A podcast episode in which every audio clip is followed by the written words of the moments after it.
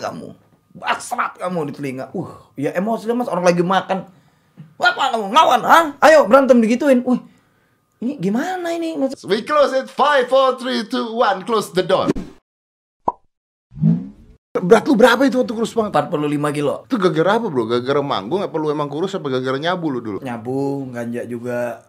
Gelek-gelek. Jadi kalau Ketangkap gak sih deh? ketangkap mas. Oh dia ketangkap ya? lu jujur banget sih ketangkap. Dua kali mas. Dua kali? Anjir berapa lama bro?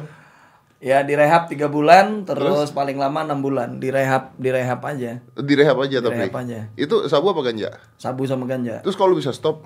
Bisa stop eh, gara-gara kemarin sebelumnya kan di penjara. Terus yang kemarin ini nggak di penjara mas, ditaruh di apa di rehab namanya di BNN. Heeh. Nah terus saya di sana ya rame lah ada teman di sana kan ada senior saya ada Semi ada Oh iya iya Mas benar. Yoyo benar, kan. benar. Banyak ya di situ ya. Nah di, terakhir saya sama Mas Yoyo itu bareng yang lain udah pada pulang sisa sama dia akhirnya selesai sampai rokok juga enggak Oh ya? ya paling ngerokok kalau kalau galau aja Kalau galau rokok, Iya. inget mantan gitu kan. Nah, tapi serius gimana caranya lu bisa berhenti? Emang di rehab tuh diapain sampai lu berhenti? jadi dulu di rehab itu kita eh, melakukan kesalahan maka rokoknya dikurangin. Ngerokok itu sehari tiga kali. Dari 8 batang kurang 6, 7, 5, 4, 3 mas jadi misalnya lagi di masjid nih lagi ceramah kan namanya orang jumatan kan biasanya kaum muslim ada yang ketiduran kan? Betul, betul. ketahuan tuh ada namanya single di belakang tuh. Ada empat orang itu bagian nyatet Andika tidur si itu tidur si itu tidur. Habis dari jumatan itu sholat nggak dibahas. Makan begitu bagi rokok kan kayak ngantri gitu mas. Satu satu satu. Begitu saya keluar kamu sana. Loh kenapa? Kamu di dom sana. Kamu tadi nih pelanggaran kamu. Kamu tadi tidur di masjid. Wah nggak ngerokok kan? Oh ben- gitu dia. iya terus kayak makan gitu. Makan kan tiba-tiba ada single single itu cum- kerjanya cuma ngacak-ngacak bikin kita marah mas. Komplainin masalah kita. Jadi dia tuh apa, pakai pakai pengawas penjaga. ya empat orang single panggilannya. Ketuanya oncer namanya. Jadi oncer itu orang yang programnya berhasil jadi ket- jadi bosnya di situ. Semua ribuan ratusan orang tuh harus nurut sama dia. Diam! Single! Kerjain dia! Datang single 4 biji. Kamu makan berisik ya? Pergi! Diteriakin. Setan kamu. Basrat kamu di telinga. Uh ya emosi mas. Orang lagi makan. Apa kamu? Ngelawan ah ayo berantem digituin. Wih ini gimana ini maksudnya? Ya kan? Iya, bingung kita juga dong. lawan lawan salah juga. lawan lawan Lawan. dibawa dimasukin sel. Temen Dika kan berdua masuk tuh sama keyboardis. Nangis keyboardis Dika. Lu sih ngelawan ya gila lagi makan lo digebrak mejanya mas. Bak! Musibah basrat kamu berisik makannya. Ya masa mau makan pelan pelan gitu. Dia nyariin kesalahan kita aja Oh, dia nyari kesalahan. iya. Kayak kita pakai kancing baju jalan rame rame gitu kan. Sini bisa dibantu nggak? Apa? Mau terima nggak accept nggak? Accept apa? Itu kancing baju kamu harus mau pakai kancing baju harus sampai kayak gini gitu. Harus nyari kesalahan orang hari harinya pokoknya. Eh, Tujuannya apa itu? tujuannya biar kita itu di luar katanya nggak jatuh lagi ketemu temen yang itu ya gitulah. Kata dia kan Iya, kalau iya, aku iya. sih pikirnya yang positif positif aja. Kayak beberapa program dia ada yang setuju kayak belajar. Belajar bahasa Inggris yang aku nggak ngerti kan. Jadi ngerti dikit dikit kan terus. Kalau yang program-program itu aku malah nggak nyambung malah sampai sekarang Enggak, tapi maksud gua apakah eh, dengan direhab gitu orang bisa berhenti nyabu gitu? Lu berhenti nyabu gara-gara itu gitu? Eh, niat juga sih sebenarnya niat juga cuman kan eh, setidaknya di situ mengurangi mas kayak ngerokok tadinya dari 8 itu dikurangin kan dengan adanya masalah judul-judulnya gara-gara rokoknya dikurangin dikurangin sampai nggak ngerokok gitu loh mas sampai, males kan ngerokok Sampai- kan iya, iya, benar-benar. karena eh kena hukuman nggak dapet rokok nggak dapet rokok sehari dua hari tiga hari empat hari judulnya kebiasaan tuh lompat mulai seminggu sekali ngerokoknya mulai mulai hilang lama-lama Oke. Nah, kenapa orang yang banyak orang yang udah direhab juga balik lagi tapi kan? itu mah niatnya udah nggak bener pasti kalau dia niatnya udah be- nggak bener ya keluar A- gitu artinya lagi artinya lu tahu cara lu jadi artinya sebenarnya membuat lu berhenti sebenarnya niat dong bukan gara-gara rehab gitu. niat sama pergaulan juga mas sama pergaulan. ya jadi eh, temen yang dulu buat kita make terus tiba-tiba kita jauhin dia akan minder dengan sendirinya kan nuduh kita yang enggak enggak lu jadi cepu tah gara-gara ditangkap BNN gua kalau jadi cepu lu udah ketangkep bos dari kemarin-kemarin. Buat apa gua jadi cepuin lu? Nggak nguntungin juga nggak ada duit juga gua. Dia bilang kan gue ini di BNN lo direhab diobatin gitu. Jadi di situ pertama datang ada fase-fasenya dia fase detox terus nasi, naik dia ke A ke B ke C sampai ke D gitu lu bilang kan tadi peng- eh, pengaruh paling gede pengaruh lingkungan. Iya. Artinya eh, ketika mulai orang mulai ngobat juga pengaruh paling gede gara-gara lingkungan. pasti Lu kenapa yang mulai? eh kalau dulu kan waktu di Lampung ya masih di kampung gitu masih di kampung tuh ngerokok mas susah ngerokok tuh satu batang rokok bisa joinan tuh anak-anak kangen Benar, band dulu kan benar. Wah, wah. tiba-tiba jadi artis pegang duit ratusan juta sampai miliaran kaget kan berapa ganja? Sekilo murah pak. Berapa? 2 juta. Ah belilah. 2 juta kecil amat gitu kan satu blondong kan. Iya iya betul betul. Begitu atau blondong siapa aja yang minta? Bagi-bagi temen ini ngasih ini ngasih itu ngasih ini. Sisa lah sedikit berapa ons gitu kan. Udah untuk untuk pakai sendiri aja. Oke. Tapi kan kalau ganja efeknya mungkin eh, ketawa Ketawa-tawa. gitu. Nah, dari sana ke sabu gimana ceritanya? nah jadi kita kan nggak ngutupin kemungkinan mas. Jadi dulu syuting di stasiun TV ada yang subuh. Kayak acara boleh disebutin nggak? Boleh boleh. kayak acara inbox Ah, dahsyat itu kan pagi tuh. pagi kan? Mau Iya, nggak mau kita mulainya datangnya- pagi, betul, mulainya mulainya pagi. pagi. mau nggak mau kita dari jam 12 nggak tidur kan? Datang temen tuh orang Jakarta kan? Ini ini doping nggak kayak tidur lu katanya. Bablas lu. Ah yang bener iya pakai tuh sesekali dua kali tiga kali mulai suka kan Tapi efeknya bener nggak? nggak tidur tidur mas emang Energik gitu. Buh, memang kita ketemu orang tuh kayaknya bro, woi, padahal kecil badannya kayak Mas Dedi aja bawaannya. Bro, ya udah deh, urus semua. Padahal mah badannya kerunyil ya. Nah. Iya mas bawaannya nggak tidur sama pede ya. Dulu kan aku emang orangnya gara-gara narkoba itu kurang percaya diri ya. Jadi kalau mau acara pakai dulu. Kayak ganja, kayak sabu. Jadi misalnya sejam sebelum mulai itu di mobil dulu aku. Di mobil, mobilnya gelap, kacanya bakar. Oh, Nah, baru syuting. Ayo, make up gitu. Dulu gitu. Kayak terakhir aku ketemu Mas Dedi acara apa gitu di RCTI ya. Iya iya betul betul. Nah itu aku habis make tuh. Oh, tuh habis make? sama Mas Dedi.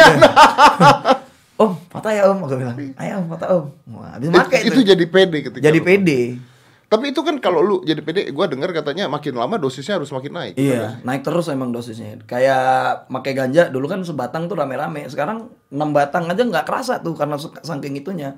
Begitu juga sabu. Awalnya 4 isep, 5 isep gitu, kerasa gitu kan. Ke sini sininya nggak Mas, beli sendiri kan. Belinya seperapat, pakai sendiri, terus naik setengah ji, terus sampai seji. Untungnya ditangkap lah udahlah. Untungnya ditangkap dah. Ampun sekarang iya. Tapi kan lu kalau misalnya orang bisa ditangkap kan ada ininya dong, efek misalnya lu sakaunya dong. Lu sakau apa? Bu iya, di Sukabumi sempet juga ngegelinting-gelinting juga badan karena dingin bener mas. Di Lido itu kan bener-bener dingin, tidurnya emang bener-bener di semen, nggak dikasih di tempat tidur segala macam nggak. Kalau di detox itu. Jadi ngelihat orang-orang yang di ujung-ujung kan berbeda-beda kasusnya kayak kasus Putau yang gini-gini, oh, oh, disiramin air jam 2 jam 3. Siramin gua air, siramin gua air. Jadi parno aku di situ kan ngelihat kasus-kasus orang kena HIV. Ya maaf nih ada beberapa orang yang kena HIV di situ.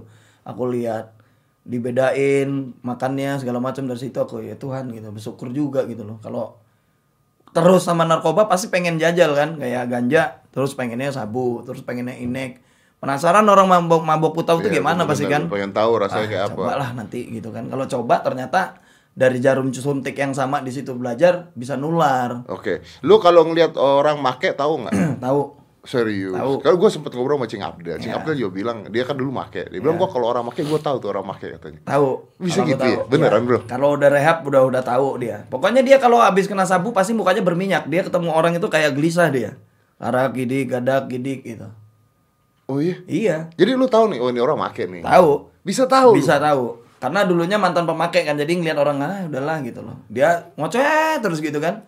Udah bro nanti nanya aja ya kan. Ya bro kayak lobby Iya. gitu. Saking dia pinternya culas dia. Pinjem teman kayak orang bro tolong sih pinjem 2 juta bini gua sakit. Pinjemin nih mas buat aku. beli sabu tuh. iya awalnya pinjemin. Tak kedua bro seminggu lagi. Ya allah bro anak juga sakit. Kasih jagi 2 juta dengan waktu seminggu 2 juta berarti 4 juta tuh kan. Iya. bro tolong bro motor gini wah nggak bener ini. Udah kita ketemuan aja lu di mana? Ketemuan. Ah, logatnya gini ah udah. Udah lah berhenti lu nanti tangkap polisi ya gue bilang kayak gitu. Langsung nelpon tuh. Nelpon aku di jalan tuh bawa mobil nelpon. Bro maafin gue ya selama ini gini gini gini. Lu nggak nyepuin gue ngapain gue nyepuin lu bro?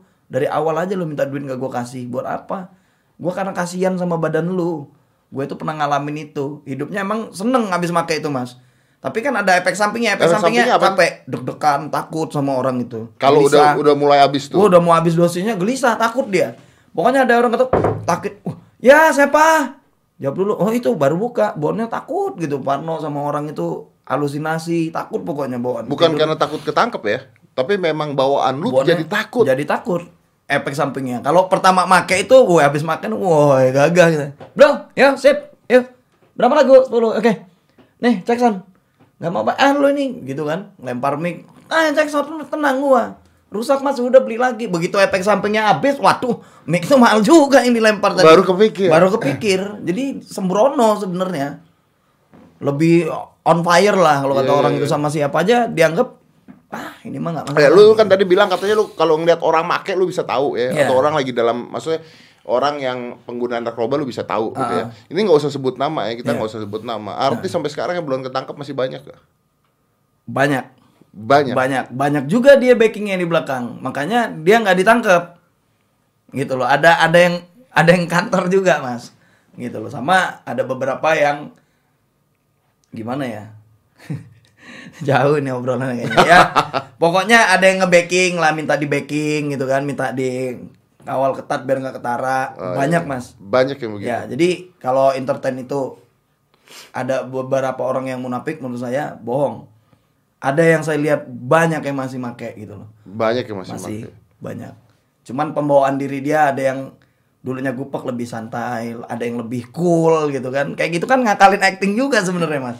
Biar orang nggak baca karakter dia. Tapi tanpa mereka sadarin orang yang pernah pakai tahu. Gue ini tahu lo make bro gitu loh. Cuman mau negornya kan kadang kita Ya, nggak enak kan, nggak bukan enak, urusan udahlah. lu juga, Iya, asik betul. aja lah pokoknya sip sip asik aja lo bro ya yang penting nggak ketangkep aja doanya itu aja sebelum ketangkep tobat gitu loh gitu aja aku beberapa artis sebelum ketangkep tuh aku udah tahu Udah tahu. udah tahu dia bakalan ketangkep ketangkep buktinya Eh tapi gue bingung kalau misalnya tapi nggak selalu obat itu bikin orang kurus kan? ya kalau sabu dampaknya kurus dia harus dis habis karena kan dia nggak makan makan mas nggak makan nggak tidur Mami Nunung. Nah, jadi di Nunung, Mbak Nunung. suplai vitamin lah. Kalau suplai vitamin dia stabil badannya. Kalau Mbak Nunung mah dia kan emang basicnya emang besar badannya kan gitu loh. Jadi mungkin dia terlalu banyak kegiatan juga. Terus dia pakai itu untuk ya itu tadi yang gue bilang kayak doping kayak aku pernah ngalamin itu gitu loh. Nggak tidur tanggung nih kalau tidur bablas nambah sakit kepala mendingan nggak tidur gitu. Makanya pakai mungkin untuk buat doping dia nggak tidur nunggu acara itu gitu kan sampai Iya. subuh. Aku pernah juga kemarin satu ini sama Mas Nunung sama suaminya. Lu tahu nggak mak? tahu. Tahu lu. tahu. Udah tahu kayak orang itu orang pemakai narkoba itu kebanyakan kalau dia habis make dia orang itu baik sebenarnya kebanyakan baik cuman salah langkah mungkin buannya baik sama orang ramah gitu aku sama Mami Nunung tuh udah kenal lama kan baik dia Lu pernah ngomong nggak sama dia? Enggak, kalau ngomong itu nggak berani, nggak berani. senior, emak itu, Iya. ampun. Tapi lu gitu. pernah ngomong gak sama artis lain? Ada gak artis lain lu bilang lu lu ya tegur? sering lah, sering pakai barang juga pernah dulunya kan. Terus lu tegur gitu. Ya tegur, bro. Lu kata tempat obat ciduk kayak gua, ya lu aja kotor mainnya gitu. Bingung kan kita Oh, ngomongnya. ya tetap aja salah Lo ya. main yang kotor bro, main sama gua, yang di belakang gua gitu, belakang gua ah, monster nih, nggak mungkin disentuh gitu. Jadi kita juga ya udahlah gitu loh. Ya udah sip, nah ampura ini mah udah sip gitu. Jadi kita mikirnya ah lu kebelukum nih berarti kan? Ya kita kan nggak tahu. Tapi tahu Obrolan kan. dia kebelukum Iya, kan, tapi di belakang dia. lah apa kita tahu? Omongan dia kebelukum. Omongan dia kebelukum kan. Begitu lu ikutan make sama dia ketangkep lu mau ngapain lu aduh. kan bego rasanya kan. habis. Kampung Ambon aja habis buktinya kan. Iya betul. gitu aja nggak orang nggak nggak ada lah menurut Dika orang yang kebal hukum gitu mungkin itu salah satu trik dia untuk ngemop gitu loh mas Iya, udah iya. gue ini nggak bakal ketangkep gue ini, ini bisa aja di ngemop ngemop aja kan padahal kan kita nggak tahu coba kalau gue kasih tahu gitu kan Selesai, tapi kan? beberapa teman artis itu tegur malah kayak begitu jawabannya Jawabannya kayak begitu. Ya udah artinya emang nggak bisa ditegur kalau orang lagi Ya. pakai karena dia udah udah nggak nyadarin dong Ya. kesalahan itu kan. Maksudnya buat dia udah enak kan Ya. ada di dalam suasana itu udah enak gitu kan. asik lah nih pokoknya Udah enjoy asik, lah kan. Tapi itu ngerusak karir lu nggak? Enggak ya? kalau karir rusak mas waduh apalagi ekonomi bubar. Gara-gara itu. Iya. Saya pas itu lagi jalan sama sponsor rokok gitu. Itu jalan 46 titik pada saat itu. 46 titik. Kangen band emang lagi in-in ya pada saat itu kan. Tiba-tiba waduh, tangkap harus ngeluarin biaya banyak kan terus anak-anak siapa yang ngurus mantan nyerain uh mas sedih mas di dalam datang kertas ceraiin waduh Lu dicerain di dalam iya, penjara. wah. perih mas Bukannya lu yang ninggalin bini lo? bukan Lu dicerain dalam penjara. ceraiin dalam penjara Dapat dari surat cerai. iya. Tapi lu tahu dong mau dicerain tahu dong. bukan kirain dibesuk Oh serius? Hmm. namanya dipanggil kan kan dipanggil dulu sama petugas kan. Panggil lah Nandika atau sama ini nih woi makannya nih dateng ya kan. Begitu dateng ke ruang besuk mana? Enggak itu ada petugas dari pengadilan agama. Ngapain? Ngasih kertas. Setelah ini Mas Andika Setiawan telah gugat gini. Woi sedih mas. Hancur di situ. Tapi lu nggak tahu lu mau dicerain. nggak tahu rapuh gitu mas. Serius, Bro. terpukul pokoknya. Wah dari situ nambah parah tuh ada di dalam misalnya barang pakai pakai lagi tuh sabu sama ganja nyari Jadi di penjara tuh. iya nambah Nggak ngaruh berarti ya. oh nggak ngaruh mas Tetap aja rehab ada. yang- iya tetap rehab itu lah yang bener udah Mending rehab ya, mending bener. rehab karena penjara masih ada ya ada beda-beda ya penjaranya ada beberapa penjara mungkin yang ketat atau yang tidak ketat gitu loh. menurut Iya. saya ada beberapa sel tahanan itu yang tidak ketat gitu Ya, loh. jadi ada oknum-oknum yang bisa Nah, melakukan gitu itu. loh. Kalau masalah yang di dalam yang jual siapa nggak tahu kan? Karena kan kami di dalam semua. Kok bisa ada gitu kan? Iya betul. Gitu aja. Bisa ada di dalam. Berarti kan ada ada gambaran yang ada yang ketat ada yang tidak. Tadi pas posisi saya di situ menurut saya belum ketat, nggak ketat gitu loh. Buktinya ada gitu loh. Ada gitu loh di dalam. Tahun berapa gitu. tuh, bro? Tahun tahun berapa ya? Bingung juga. 2013 pernah terus 2016 saya pernah. Gitu loh. 2000 yang dicerain Dua- tahun berapa? cerain? Iya mas. 2008 mas cerain. Rapuh gitu. 2008. iya 2008 dari situ saya benci sama cewek jadi saya nggak mau nikah. Jadi kayak mana ya? Trauma juga kan mendalam. Jadi kalau untuk ngejalanin untuk nikah resmi saya memikirnya ah nanti dulu lah gitu. Masih krek gitu loh Ya kan? kenapa sih harus bubar gitu loh jadi Iya. saya Kenapa nikahnya harus bubar? Lu masuk penjara berkali-kali pakai obat, kenapa harus bubar? Kalau dia dia mikirnya, lu nggak nanya sama dia kenapa harus bubar? ya siapa tahu cobaan Oh, cobaan. setiap manusia kan bisa berubah mas Oh iya benar benar. Tapi Buktinya berubah ya. proses, iya. Proses betul. Butuh waktu berapa lama ya untuk berubah ya? kelamaan nih nggak berubah-berubah katanya tinggalin aja aduh Tapi secara ekonomi lu hancur dong berarti dong. hancur bener mas ATM tuh sampai pernah ATM tuh isinya 200 ribu mas. Waduh ini kalau makan ya namanya kita pertama masuk penjara itu mas ada beberapa orang pasti nganggap kita bos kan banyak Bener. duit nih gitu loh. Kita makan misalnya mis- beli nasi ayam apa nasi ikan nggak mungkin mas ada 12 orang di situ nggak makan kan. Iya benar. mau nggak mau kita nggak tega kan kita public figure juga. Wah ada beli deh pesen terus catering kan. Siang malam sore belum cemilan belum ngerokok belum ininya. Ya habis juga mas duit sebanyak apa juga. Gitu belum keluar kan. Petugas halo bro. Ya halo halo, tempel ya halo pak ya iya. Ya gitulah. Harus dengan itu semua mas aman. Kalau nggak aman kita takut ngeliat preman-preman di dalam penjara itu kan. Oh bos ini bos apa bos dari kepala kamar sebelah gini. Oh iya sampein aja sama dia nih. Makasih banyak. Iya iya benar. Tapi lu nggak pernah diapa-apain dong di dong. alhamdulillah karena store terus. Store sama preman-preman kan. Kalau sama petugasnya enak lah masih bisa jadi teman. Ketemu di luar masih Iya. saya lo kalau preman-preman serem. Mas takut juga gitu badan kecil dulu kan. Iya, kalau sekarang sih gede bukan ngelawan takut juga mas ya. Dari sana lu nggak tapi lu masih nyanyi dong. dari masih. dong. di sana ya namanya acara situ mas ya. Acara gua abis, juga. abis acara abis acara sampai abis lu di penjara keluar ekonomi langsung membaik nggak? Nggak, awalnya membaik. Mulai nih membaik. Membaik membaik membaik. Jatuh lagi juga. Kena lagi. karena masih ada ampas di dalam itu kan keluar ah nggak bakal tobat udah janji. Dendam keluar nih dendam. Bukannya kita berpikir keluar tuh tobat. Enggak mas. Dendam malah. Tunggu lo keluar keluar ya. Lebih parah dari ini. Gitu pemikirannya Oh, pada saat iya? itu. Iya. Ternyata begitu keluar bener dapat job langsung beli barang. Dapat job beli barang. Dapat job beli barang. Malah nggak nggak mikirin yang ini. Pokoknya kesenangan aja. Karena berpikirnya oh gue sendiri nih gitu loh. Gue nggak ada pasangan. Siapa sekarang yang mau ngelarang gue Iya betul. dan lu gua buat nyesel. Mantan gua gimana caranya lu pasti nyesel udah giniin gua iya. Dengan cara lu nyerain gua lu bakal gua ini berubah nggak? Nambah parah gitu. Salah sebenarnya kan iya lu. padahal nggak taunya salah yang dilakuin itu. Kayak aduh udahlah Tapi gimana lu benerin ya, Bro? pelan-pelan pelan-pelan orang tua. Ya aku ini kan dari bayi dua bulan gak diurus orang tua mas. Diurus sama adek orang tua kan gitu loh. Broken juga korban dari orang tua juga pisah sampai sekarang saya nggak tahu muka orang tua saya seperti apa kan. Akhirnya yang ngurus saya dari kecil itu nangis gebuk-gebukin tangannya ke tanah. Aku nggak tahu lagi dik ngurus kamu kayak mana saya udah bener-bener ya nggak sanggup gitu loh. Akhirnya saya satu hal saya sadar di situ. Oh ternyata masih ada yang sayang kirain nggak peduli kan. Gue ini bukan anak lu buat apa gitu kan. Lu, kenapa, lu sorry, lu kenapa sedih banget? Itu kan bukan orang tua lu padahal. Iya, karena dari kecil mas dari baik dua bulan aku kerasanya ketika aku nih punya anak gitu loh.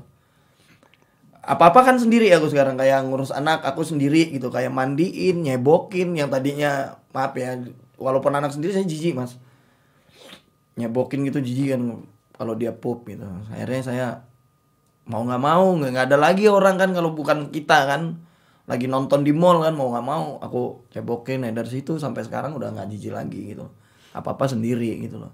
Bahkan pakai pembantu pun saya nggak percaya gitu loh. Takut pembantu itu depan saya aja baik di belakang saya enggak gitu. Jadi saya kalau kerja kayak gini ke Jakarta saya lebih berpikir saya titipin ke orang tua saya atau ke omanya atau ke ex saya gitu mantan saya gitu. Jadi saya nggak nggak kurang kurang percaya juga gitu loh. Nah, orang yang ngurus itu nangis depan nangis depan saya wah nggak tegel saya mas dari situ saya berubah di mohon bener dia apalah yang Tuhan nggak kasih sama kamu saat ini. Dulu kamu sekolah sambil dagang kresek asoy saya harus ke pasar minta-minta tolong beli gitu. Dikasih orang 2000 bawain barang gitu kan pada saat itu. 2000 tuh sangat besar menurut saya. Kayak ngerokok pergaulan di jalan gitu. Susah lah ekonomi. Sekarang kamu dikasih Tuhan tuh berlebihan. Kenapa kamu begini gitu? Akhirnya saya sadar dengan hal itu saya masuk di rehab kemarin omongan itu ke dokter ke saya ya, berubah berhenti berhenti berhenti. Alhamdulillah. Sekarang berhenti malah duit yang dulu saya pakai narkoba saya tes pakai saya beli celengan bambu dari kampung saya celengin gua mau make misalnya hari ini gua make sejam sekian masukin tabung itu udah malah kebeli rumah mas Kebeli rumah. beli rumah banyak Gara-gara yang buat beli narkoba. Iya. tuh. Padahal saya iseng aja coba kalau gua make nih beli 400, beli 600, beli sejuta, beli 2 juta, beli 3 juta, eh malah bangun pesantren saya alhamdulillah. Luar biasa. Iya, alhamdulillah di situ. Lu udah ngebanggain dia dong berarti sekarang. Ya, ngebanggain sih belum minimal buat dia senyum sekarang. Dia udah ngomong, makan dia, belum? dia ngomong apa sekarang? Ya sekarang udah makan belum di katanya. Rumah yang di atas udah kayak mana? Aku kan udah ada tiga rumah kan. Rumah di atas ngapain lagi dibangun? nggak apa-apa nih kayaknya buat anak-anak pesantren. Oh iya dah, bagus kamu kayak gitu gitu. Jadi senyum lah dia seneng gitu loh. Tantaku nggak kayak dulu risau. Itu siapa gitu. lu sih? Jatuhnya adek bapak yang paling bungsu. Dia yang ngurusin Iya, lu. dia yang ngurus. Oh, saya diputer-puter Mas kayak ya Nih, kade bapak besok ini sibuk taruh sini ya tidurnya nggak jelas jadi pakaiannya bingung ada acak-acakan gitu kan Tapi ending-endingnya dia yang ngurusin dia yang ngurus dari kecil sampai itu cuman dia. Karena kan Berarti buat lu dia udah kayak orang tua dong. udah kayak orang tua. Karena kan kayak gini mas. Dia punya suami semenjak dia punya suami aku hargain itu kan. Oh dia punya suami takut juga kan. Suaminya juga kan angkatan tentara. Yang dilihat aku kasus lagi kasus lagi. Benci lah namanya angkatan anggota kan. Bener. malah aduh ini yang lu urus nih nggak jadi gitu kan.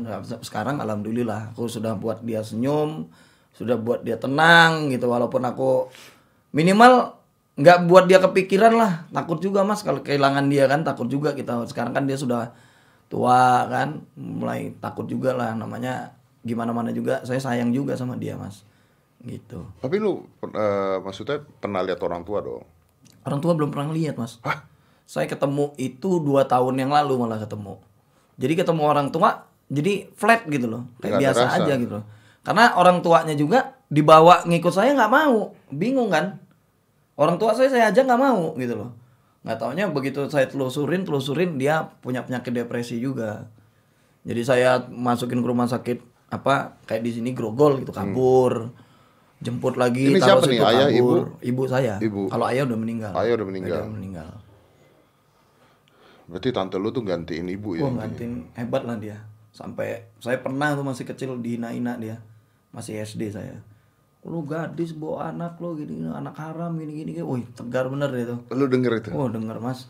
walaupun masih kecil dulu belum ngerti apa-apa tapi tahu inget itu dalam benang saya mikir siapa yang mau sama lu lu bawa anak kayak gini orang kan taunya itu anak lu lu buang aja kayak gitu Wah, tetep Serius? aja iya dia ke rumah sakit mintain makanan di rumah sakit kan mintain susu susu buat saya karena kan saya kan minum gimana mau nggak mau dia tiap sore itu bikin tajin untuk saya jadiin susu bubur gitu kan. Ya sedih lah. Kalau orang lihatnya kayaknya Andika itu hebat, sukses sekarang bawa mobil keren gini-gini, punya uang gini-gini beli ini beli itu. Wah kalau diceritain dari awal cuman di Mas Dedi ini aja saya cerita kalau kesah saya. Karena saya orang berpikir ah ini bebang tampan nih gini gini gini gini bodoh amat saya. Nggak mikirin lagi sekarang saya mikirin yang penting saya cari uang bisa nafkahin anak saya udah sama calon istri saya. Nanti kalau saya masih dikasih jodoh Anak lu lima kan? lima. Yang biayain lu semua. Ya tapi ada beberapa yang sudah nggak gara-gara nikah udah mulai nggak ngubungin gitu. Mungkin suaminya lebih kaya atau gimana kan? Bingung juga mas. Sekarang saya nafkain tiba-tiba dibatasin ketemunya. Loh ini kok dibatasin? Udah nggak usah nafkain juga nggak apa-apa ngomong kayak gitu oh berarti udah kaya nih sombong bener gitu kan Kok bisa begitu? iya nggak tahu Lu aja tapi dulunya ngurus nggak? dulunya nggak ya namanya narkoba terus mas Oh, iya, iya. belum Ini bisa ngurus lah ya, belum settle ya. juga kan gimana mau settle mikirin diri sendiri aja belum bener kan kalau empat tahun lima tahun belakangan ini saya sudah berani mau mau diapain Allah saya udah siap gitu kalau di lima tahun belakangan di masa lalu di dari da- tahun 2005 sampai tahun 2012 emang berantakan masih hidupnya sampai 2013 masih berantakan saya penjejakan kan Iya, kalau lima tahun terakhir ini saya benar-benar sudah netral Yang sudah. belum lu bikin apa sekarang, Bro? yang bikin sih sekarang lebih mikirin itu aja mas apa naikin haji keluarga yang pernah ngurus saya sama pesantren ini tetap Ya kok lu tiba-tiba bikin pesantren, Bro? ya nggak apa-apa pengen aja gitu loh karena pernah ngerasain pada saat ngamen ditendang orang diludahin orang di lampu merah kan nggak berhak juga apa anak-anak di pinggir jalan itu nggak bisa baca menurut saya mas walaupun nggak ada gurunya minimal kan saya nanti nyari orang untuk biar mereka ini nggak apa nggak bodoh gitu bisa baca segala macem gitu pengennya gitu sih mas Ya berarti hidup lu susah banget dulu ya. Wah parah mas. Saya hidup makan nih. Itu misalnya dagang cabai itu kan tinggi-tinggi tuh. Saya colong mas. Dia tidur saya colong sekilo gitu. Besok paginya saya dari plastik itu saya buka. Plastiknya saya sobekin saya. Ini saya buat nih 2000, ini 3000. Udah saya dagang. Lu Padahal lagi? habis maling iya. Pulang bawa uang, besok sekolah. Pulang sekolah gitu lagi. Wah sedih mas. Parah saya dulu. Ya kayak gitulah yang namanya anaknya jalanan mas. Iya, Tiba-tiba nyanyi dapat the best vokal terus lagunya ke mana-mana ya dari situ saya berubah ya Tuhan gitu loh kok kayak gini gitu loh saya nggak tahu kalau bakalan saya. Saya nyanyi nyanyi nyanyi nyanyi juga pikir ya jadi penyanyi penyanyi kafe lah. Dapat duit tiga ratus ribu dua ratus ribu saya seneng Dulu gitu kan. cita-citanya mau penyanyi Cuman kafe lah ya. pengen jadi penyanyi kafe doang. Lihat kan penyanyi kafe tuh ngeliat saya dari jauh. Wah enak amat pemain kafe tuh. Lagi nyanyi nyanyi dikasih duit gitu kan. seratus ribu orang request.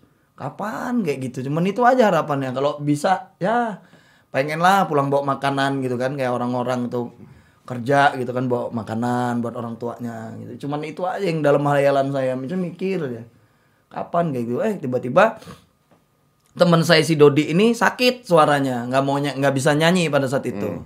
Nah karena saya ini bersahabat sama Dodi lama dari kecil dia adik kelas saya jadi Dodi ini yang tahu lagunya cuman saya pada saat itu. Karena nongkrongnya cuman sama saya aja. Sebagian nggak ada yang apal tapi nggak sampai habis saya nyanyi ikut festival itu Dodi. Saya nyanyi eh saya menang bingung juga. Dikasih duit satu juta tujuh ratus tuh the best vokal. Pertama kalinya tuh. saya bagi-bagi oh saya pulang teriak-teriak mas sambil nangis. Ya Allah duit ini gue banyak amat sih. Ya satu juta tujuh ratus pada zaman itu mas. Sembilan sembilan dua ribu lah itu. Wih, gede masih dong. oh gede bener. Oh lompat-lompatnya Allah gitu loh.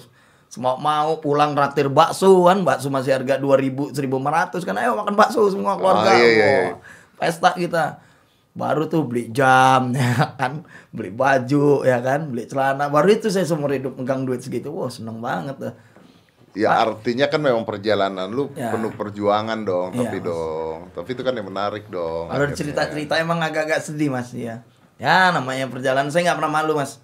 Yang jelas saya nggak pernah malu. Saya pernah jadi gelandangan, pernah jadi tukang ngambilin itu dagangan orang. Yeah, yeah. So we close it. Five, four, three, two, one. Close the door.